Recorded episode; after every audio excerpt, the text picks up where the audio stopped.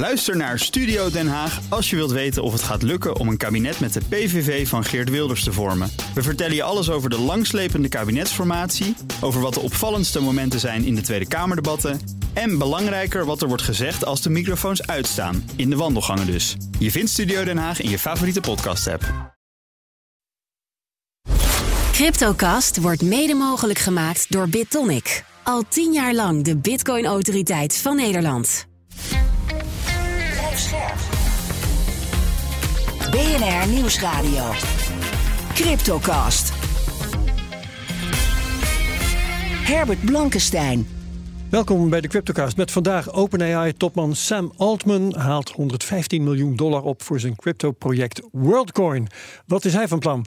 En Hongkong versoepelt zijn cryptoregels. Particuliere beleggers mogen weer handelen. Dit is Cryptocast 274 met een half uur crypto-nieuws op de radio. En daarna gaan we door als podcast over, podcast over mining met Bert de Groot.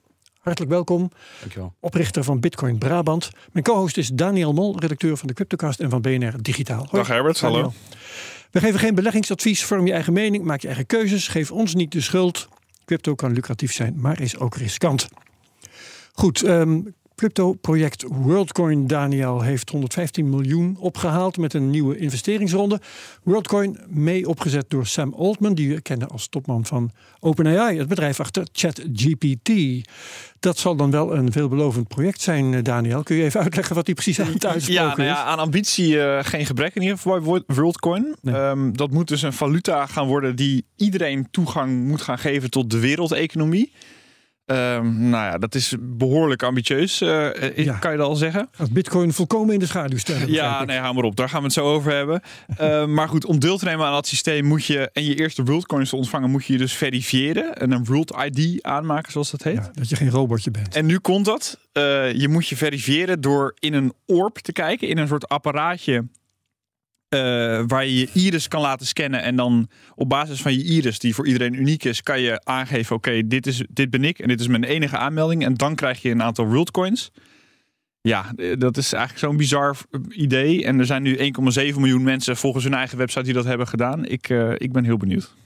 En die hebben ook al zo'n, hoe heet het apparaat ook weer, een orb om hun iris te scannen. Nee, dat, dat, ik denk dat die orbs, eh, volgens mij is het idee dat die op openbare plekken komen te staan, zoals een station of een. Ah, waar je dat dan even snel kan doen Ja. en je, je World ID kan aanmaken. Maar dat moet nog gebeuren, ook bij die Eh, zoveel miljoen, of niet? ja, er zijn wel plekken waar die orb dus al is. Eh, Mhm. En er zijn dus al mensen die dat echt hebben gedaan. Maar ja, het is, toen ik dit de eerste keer las, en dit, is dus al, dit idee is al twee jaar oud of zo. Ja, het is waanzinnig. Maar ja. Je Eh, en, die en, mensen betaald worden hè, in WorldCoin om dan die Ja. oogscans af te nemen. Dus per oogscan Oeh. krijgen ze dan betaald. hè, dus eh, dat is heel lucratief. de mensen die naast het apparaat staan om het draaiend te houden. Ja, en de mensen dus over te halen om even in dat eh orbje te kijken. Ja, ja, ja. Hm. Ehm, ja het, het voornaamste bezwaar dat je overal hoort, Daniel, is privacy. Ja, en dat heeft WorldCoin heeft dat natuurlijk ook wel door. Want het klinkt eigenlijk al direct als je je iris moet laten scannen. Dat klinkt als een soort ultiem dystopisch idee. Eh, dus Ja. zij doen er van alles aan om dat gevoel een beetje weg te nemen.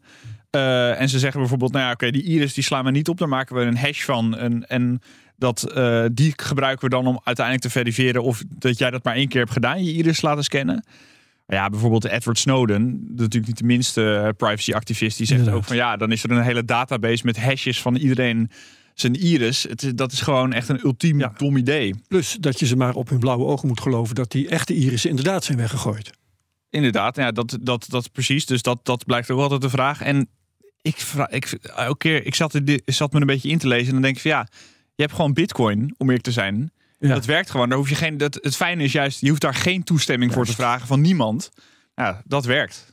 Ja, en het maken van zo'n nieuwe coin die daar dan een rol in speelt, is eigenlijk eh, vooral in het belang van de oprichters en de investeerders. En de investeerders, ja, want Ja. dat zijn ook niet de minste. Eh, het nieuws is dus nu, ze hebben 115 miljoen dollar opgehaald in een nieuwe investeringsronde. Ehm, het zou ongetwijfeld ook te maken hebben dat, dat Sam Altman hierachter zit, die dus nu eigenlijk is doorgebroken als grote tech eh, ondernemer door, door ChatGPT, door met zijn bedrijf OpenAI. Ehm, waar Microsoft dan echt miljarden in heeft geïnvesteerd. Ja, dit zijn ook wel aardige grote namen. Andreessen Horowitz eh, is een van de investeerders die Ja. hier geld in steekt. Dat zijn echt, dat, die hebben zo, in zo'n beetje alles. De grootste naam die erbij is ongeveer. Ja, in zo'n beetje alles eh, wat tech is, hebben zij wel een keer geïnvesteerd. eh, Alles. Blockchain Capital, dat is naar eigen zeggen zijn zij de, de eerste crypto durfkapitalist. Crypto-only durfkapitalist. Ja, en die, die zijn die zijn natuurlijk allemaal heel enthousiast over dit project. Maar ja, ik moet het maar zien. Ja, hoe eh, is het met jouw enthousiasme eigenlijk, Bert de Groot? Eh, Volgens mij ben jij eh, Bitcoin only. Uiteraard. Ja, staat Ja, ook op je t-shirt zo te zien. Ja. Nee, en eh, als je ehm, zo- zo'n project als WorldCoin, eh, ja, hoeveel gaat er van in omloop zijn in de toekomst? Je bent weer overgeleverd aan de, de rijke goden, zeg maar. Ja, en hoeveel houden ze voor zichzelf? Exact. Ja, en dat is ook allemaal nog niet bekend. Dat is ook wel eh, interessant. Ja. Waarom is Sam Altman een, een goed figuur om dit van de grond te krijgen?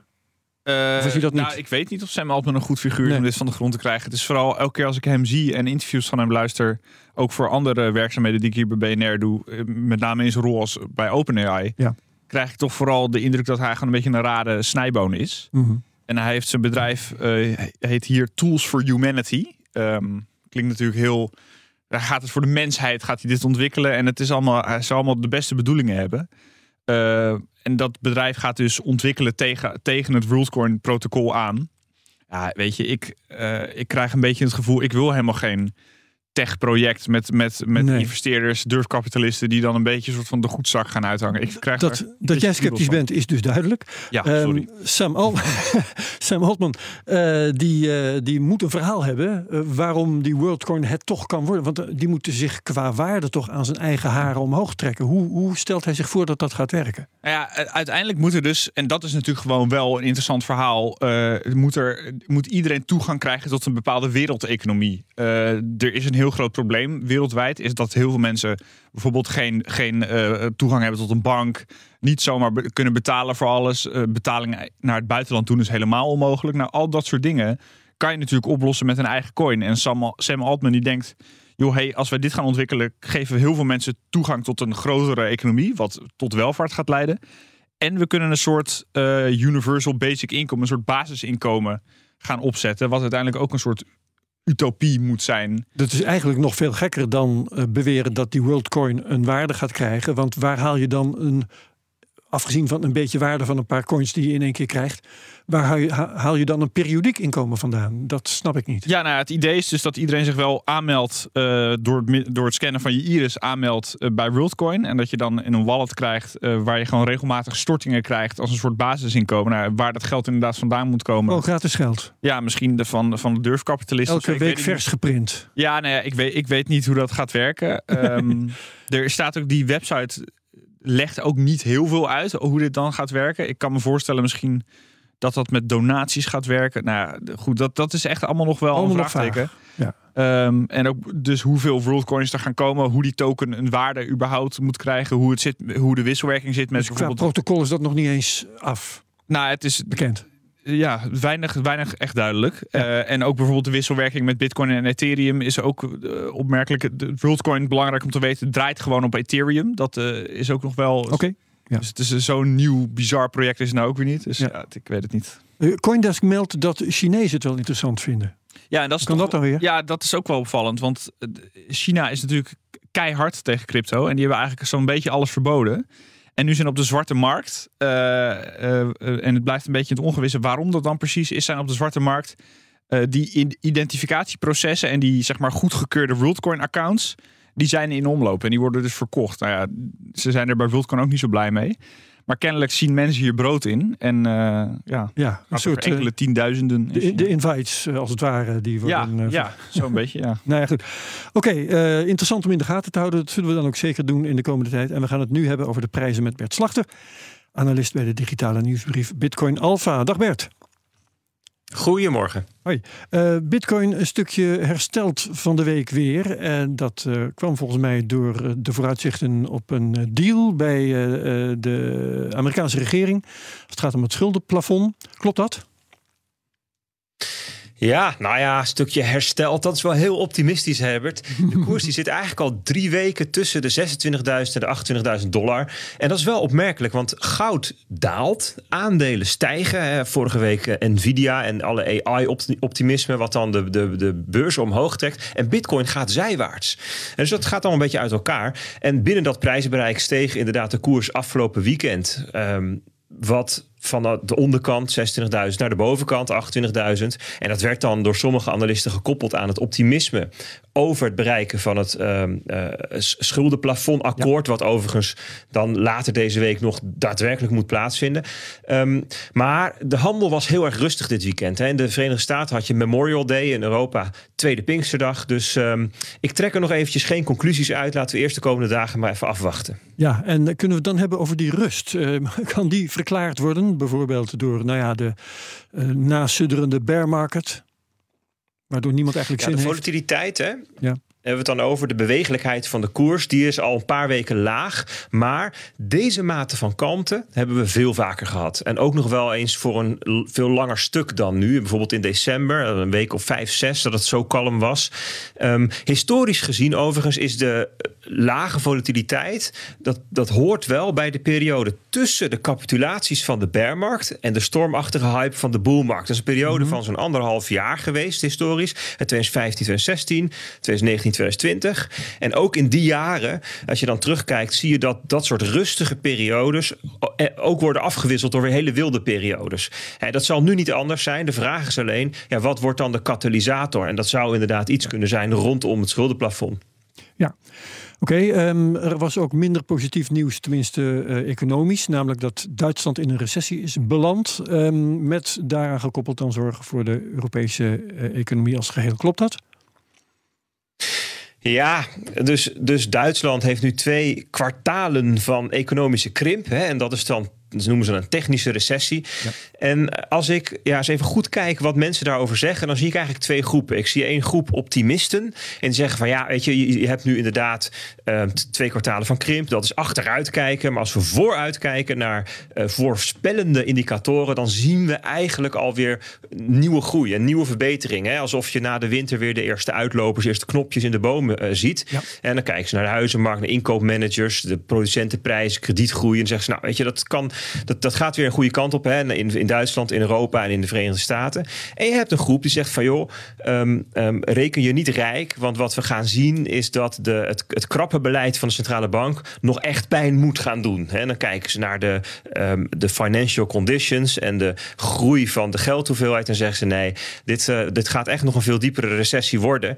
Dus beide perspectieven kun je nu halen uit de data die er ligt. Dus dat zullen we echt moeten afwachten hoe dat zich ontwikkelt in de komende nou, maanden kijken we dan naar. Ja, en dat is dus ook van, uh, van weinig invloed op de cryptokoersen. Want uh, A, er gebeurt niet, niet veel en we weten niet precies welke kant het op zal gaan. En B, Europa is eigenlijk maar klein. Ja, dat klopt. Hè. Dus, dus, dus de Amerikaanse economie, de Amerikaanse munt, de obligatie en aandelenmarkten daar, die zijn een veel belangrijker invloed op de financiële markten dan Europa. Maar um, in Amerika speelt eenzelfde soort iets. Hè. Dus ook daar, als je kijkt naar de, de conjunctuurcyclus en de economische data die er binnenkomt. En het effect van, van de centrale bank die, die de rente verhoogd heeft. Ook daar kun je beide scenario's maken. Dus wat dat betreft lijkt het wel op elkaar. Um, de situatie in Europa lijkt wel ietsjes negatiever. En dat heeft dan weer te maken ook met de energie. En ja, in Duitsland dan heel specifiek. Maar um, ja, ik, voor allebei geldt um, een kwestie van de komende maanden afwachten, kijken hoe dat zich uh, ontwikkelt. Ja. Um, en ja, de, de cryptomarkt zal daar ook eh, last van hebben. Ja, we gaan het zo direct hier in de studio hebben over Hongkong. Het feit dat in uh, Hongkong uh, binnenkort de exchanges weer mogen, particulieren weer in crypto mogen handelen. Uh, wat ik mij afvroeg toen ik het hoorde, waarom jaagt dat de prijzen niet omhoog? Want in 2017 ging alles omlaag toen China de exchanges verbood. Het zou nu de andere kant op moeten. Ja, ik denk dat dat komt, want het is een, een, een goede observatie hoor. Het viel mij ook op dat weinig deed. En ik denk dat het komt omdat er nog heel veel onzeker is over het feitelijke effect van het in, in werking treden van het nieuwe beleid. Want wat er gaat gebeuren is dat er op 1 juni het loket open gaat voor het aanvragen van een vergunning. Ja. En wat we nog niet weten is hoe lang duurt het dan voordat partijen een vergunning krijgen? Wat zijn de eisen? Wie krijgt daar toegang? Welke activa eh, mogen ze gaan aanbieden? Ehm, is het alleen voor inwoners van Hongkong of heeft het ook effect voor mensen in China? Dat, ook dat weten we eigenlijk nog niet precies. Dus ik denk dat heel veel ja, eh, speculanten, hè, want dat soort directe prijsstijgingen, dat komt van, van, vanuit speculanten, dat die denken, nou ja, eerst zien dan geloven. Laten we maar even afwachten. Dat gaan we dan doen. Eh dankjewel voor dit moment, eh, Bert Slachter, analist bij de digitale nieuwsbrief Bitcoin Alpha. Meer details dus op bitcoinalpha.nl. Eh, we gaan het over Hongkong hebben, zoals al aangekondigd. Hongkong gaat particuliere investeerders weer toestaan om in crypto te handelen. Dat is een behoorlijk contrast met het vasteland van China, want daar is ongeveer alles wat met crypto te maken heeft verboden. Daniel, wat is er nu precies besloten in Hongkong? Wat weten we? Ja, nee, wat Bert net al zei, eh, inderdaad, het loket, eh, dat is het grootste nieuws. Het loket voor aanmeldingen gaat, gaat open om cryptobedrijven te beginnen. Ja. Ehm, vanaf 1 juni worden die, die verzoeken dus weer in behandeling genomen. Nou, dat is best een grote stap, want eh, China eh, en dus ook Hongkong hebben, zijn eigenlijk heel hard geweest tegen crypto. Hebben de hele boel verboden. Mining is het land uitgejaagd. Dat is echt wel Ja, de exchanges. eh, zijn echt wel radicaal daarin geweest. Ja. Ehm, en nu komt er dus weer iets van handel terug met het idee om Hongkong uiteindelijk een crypto, crypto hub te gaan maken, zo noemen ze het zelf. Maar er zitten natuurlijk wel strenge regels aan vast. Wat nu al wel duidelijk is, is dat stablecoins moet sowieso nog even naar gekeken worden. Eh, en dat zijn dan denk ik vooral de dollar stablecoins die daar een beetje een probleem zijn. Eh, en ook bijvoorbeeld airdrops, wat wij allemaal best wel normaal vinden. Dat is dat uitdelen van gratis coins als een soort reclame vaak voor Ja, je, voor ja, je ja. project. Eh, Dat mag ook niet. Waarschijnlijk omdat ze niet zomaar alle projecten overal dat er in gehandeld mag worden, dat willen ze niet. Nou, ja, er zijn dus inderdaad, er is veel onzeker. En dat zegt Bert dus ook terecht. da- Daarom zien we misschien ook niet zoveel in de prijzen. Ja, maar lijkt het erop dat China spijt heeft van het wegjagen van crypto uit het land? Moi, dat is denk ik wat snel. Ik denk dat het iets opportunistischer zit. Eh, ik denk gewoon dat ze een graantje willen meepikken met deze industrie. Dus eh, eerst was eigenlijk crypto en China was heel erg verweven met elkaar. Heel veel bedrijven kwamen uit China. Die zijn eigenlijk allemaal weggegaan. Heel, er was heel veel mining in China. Eh, en misschien dat de Chinese economie daar niet zoveel aan had. En dat ze, ze, ze hebben liever natuurlijk zelf in China alles zelf onder controle. En dat daar iets te veel contact was met de buitenwereld. En dat ze het nu in een soort proeftuin, wat Hongkong eigenlijk altijd al een beetje is geweest, dat ze dat nu daar een beetje gaan proberen. Ja. Bert de Groot van Bitcoin Brabant, jij bent veel bezig met mining. Gaan we het straks in de podcast over hebben. Ehm, volg jij het nieuws uit China? Want eh, de mining is daar weggejaagd, maar is er ook weer niet helemaal weg, hè? Ja, de, de, het rumoer is gewoon dat er natuurlijk gewoon nog best wel veel mining zit. Kijk, en eh, mining is nogal eh, anoniem in die zin. Eh, hè, je draait het op een VPN en je kunt het overal inzetten. En China is vrij groot, dus ja, er is Ja. zeker nog een flink percentage van mining in China aanwezig. Ook omdat er gewoon heel veel goedkope stroom is. Ja, maar is dat niet meetbaar? Ja, dat is dus heel lastig. Hè? Kijk, net zoals de miner die ik hier nou op tafel heb staan. Ja, als ik hier mijn VPN nu aanzet, dan mine ik in Zweden. Bijvoorbeeld. Ja, ik bedoel, zo werkt het uiteindelijk. En eh, ja, Ja. hoe ga je dat dan meten? Ja, zeg jij het maar. Nee, oké, goed. Ehm, dat gaan we dus straks in de podcast doen. Dan zetten we hem ook aan en dan kan iedereen hem horen loeien. Doen we, doen we nou nog even niet.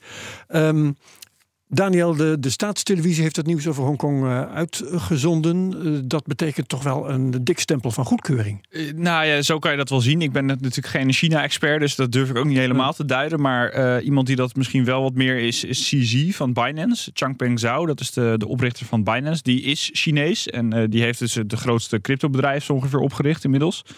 Ehm, en die noemen het een big deal. En eh, vaak dat de- de- op het moment dat de Chinese staatstelevisie dingen over crypto ging zeggen, als China weer aan boord komt, dat is vaak eh, de, de, de benzine, zeg maar de brandstof voor een nieuwe bullrun. Nou, hij, durft, hij doet geen beloftes, uiteraard, dat, dat, dat snappen we allemaal.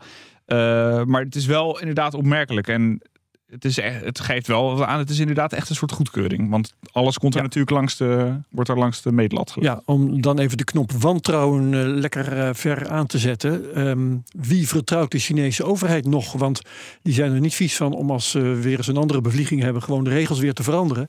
Dus als je je bedrijf naar het oosten wilt eh, transporteren, waarom ga je dan niet gewoon naar Singapore of naar Dubai? Dat is Ja, veiliger. ja, nee, dus geen garanties inderdaad. En dat blijft natuurlijk altijd lastig. Eh, nu is Hongkong natuurlijk wel traditioneel altijd een, ook zeg maar een beetje het, de, de, de financiële buitenpost geweest van, van China. Ze hebben natuurlijk dat één land, twee systemen idee, waardoor Hongkong vaak een uitzondering is op bepaalde gebieden qua Ja. eh, Dat regelgeving. moet je de studenten vertellen die daar nu nog in Eh, precies, ja, nee, ik heb dat net opgezocht. Die, die protesten zijn uiteindelijk gewoon kaart de kop ingedrukt. Dus dat is allemaal vreselijk triest. Dat moeten we er dan ook bij zeggen.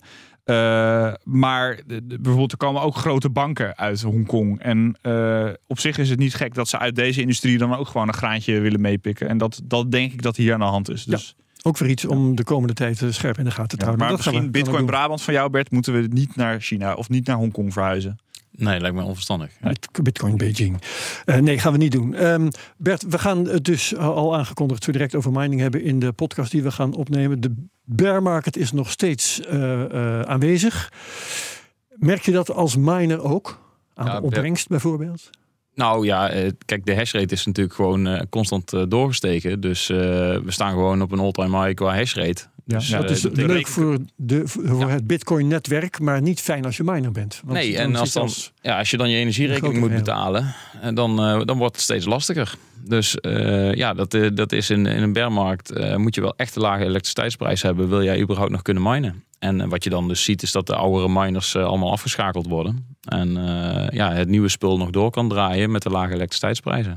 Ja, dus eigenlijk alleen de meest efficiënte blijven over. Want om even uit te leggen, de bitcoinprijs is gedaald. Terwijl de rekenkracht op het netwerk is gestegen. Dus het wordt alsmaar moeilijker om nieuwe bitcoin te minen.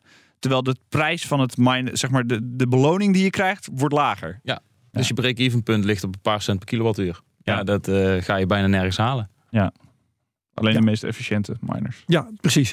Ehm, ja, en eh, een ander issue, issue rond mining waar we het over moeten gaan hebben, dat is de duurzaamheid. Je hebt dat Bitcoin Mining Council dat nu en dan daar wat cijfers, eh, eh, zelf goedgekeurde cijfers zeg maar over verspreidt.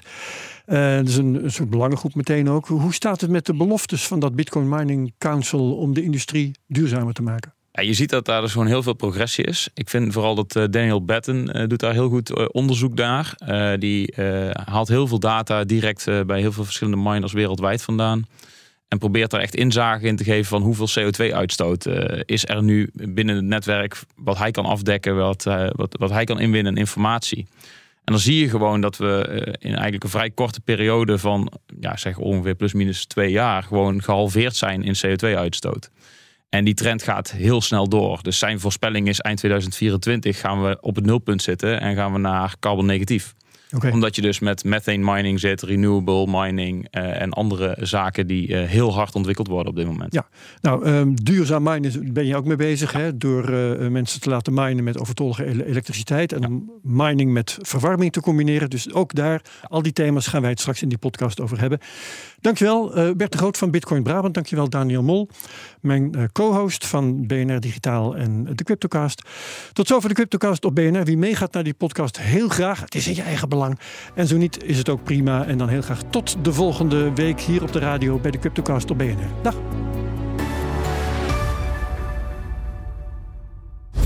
Cryptocast wordt mede mogelijk gemaakt door BitTonic. Al tien jaar lang de Bitcoin-autoriteit van Nederland. Ook Thomas van Zeil vind je in de BNR-app. Je kunt live naar mij luisteren in Zaken doen, de BNR-app met breaking news, het laatste zakelijke nieuws en je vindt er alle BNR-podcasts, bijvoorbeeld Het Nieuwe Geld. Download nu de gratis BNR-app en blijf scherp.